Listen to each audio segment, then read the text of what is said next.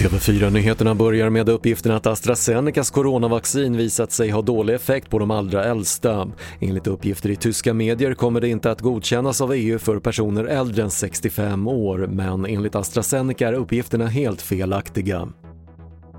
Riksrättsåtalet mot USAs förre president Donald Trump har inletts. Trump anklagas för anstiftan till uppror efter stormningen av Kapitolium men president Joe Biden säger till CNN att han är skeptisk till att Demokraterna får med sig tillräckligt många politiska motståndare för en fällande dom. Två personer fick föras till sjukhus efter att deras bil voltat norr om Torsby igår kväll.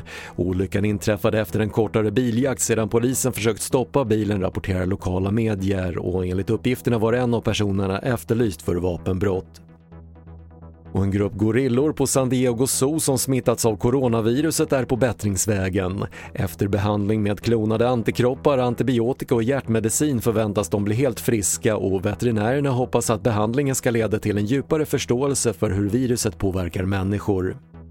Det var det senaste från TV4 Nyheterna. Jag heter Patrik Lindström.